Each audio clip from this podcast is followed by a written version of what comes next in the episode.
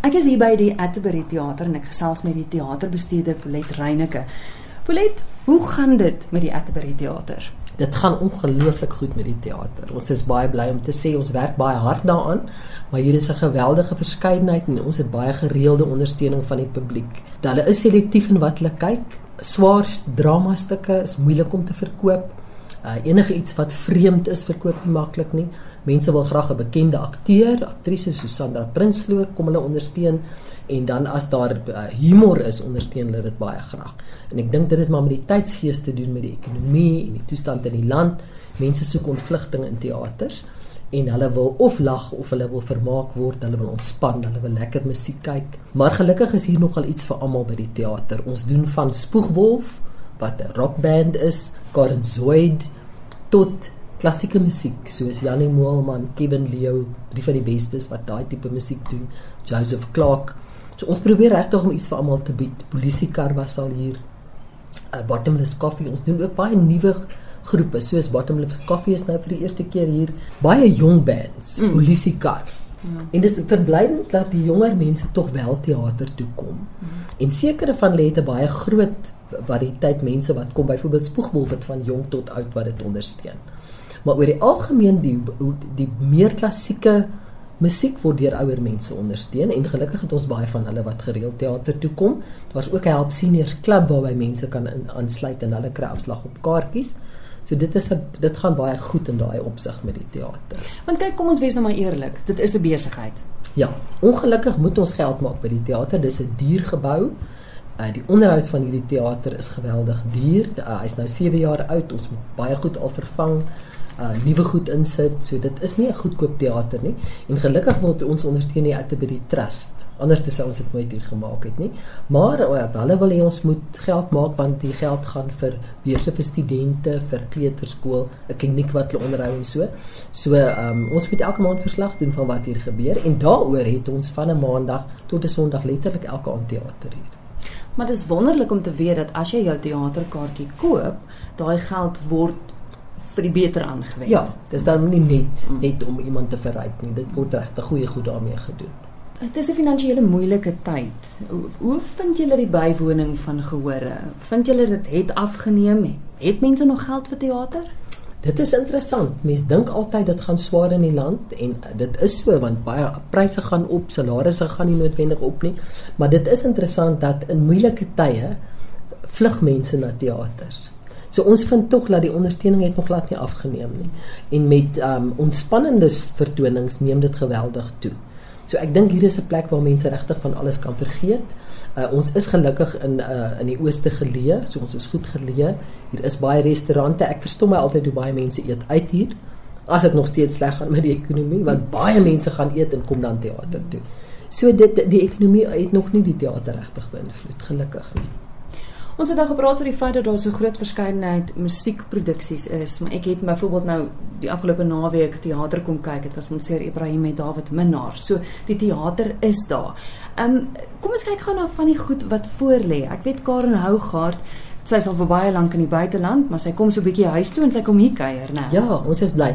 As Karen in in Suid-Afrika is, kom sy altyd hier optree. Ek is 'n baie groot bewonderaar van haar. Ek dink sy doen wonderlike werk en dis waar baie lekker om hier te kom optree. Sy het nog baie baie ondersteuning in Suid-Afrika en sy kom eintlik vir 'n liedjie skryf skool wat deur Koenie geïnisieer is, Koenie de Villiers en daar's 'n paar mense wat vir graad 11 kinders gaan 'n liedjie skryf skool aanbied om te seker maak dat daar in die toekoms darm goeie kwaliteit Afrikaanse musiek verskyn.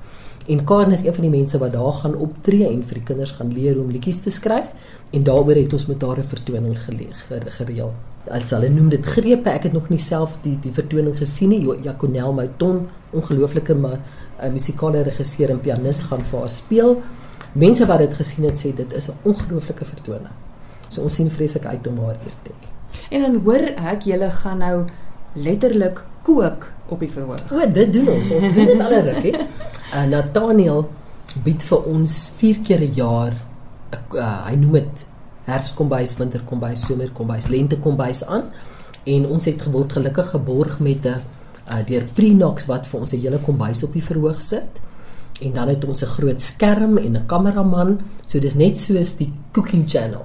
Mense kan kyk en hulle kan sien wat in die potte aangaan. En Nathaniel is ongelooflik. Hy's een van die min mans wat kan praat en kook gelyk.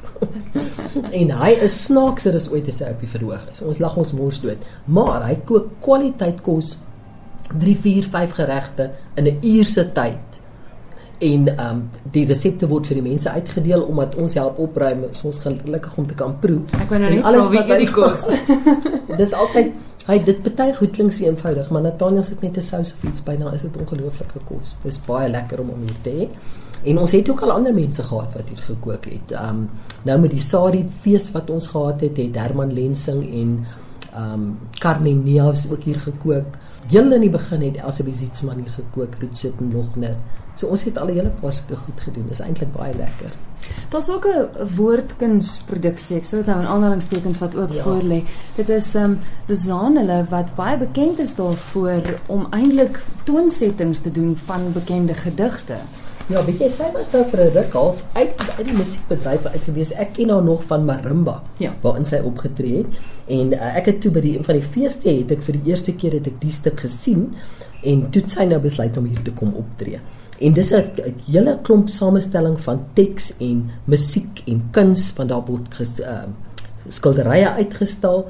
Sy gaan speel, hulle het 'n orkes op die verhoog, baie gedigte word getoon set. So dit gaan regtig iets uniek wees om te sien en um Elise Kaywood gaan die gaan die uh, woordkunstenaar daar wees. So dis nogal 'n komplekse produksie wat ek dink almal baie na uitsien en die kaartjies verkoop reeds vinnig.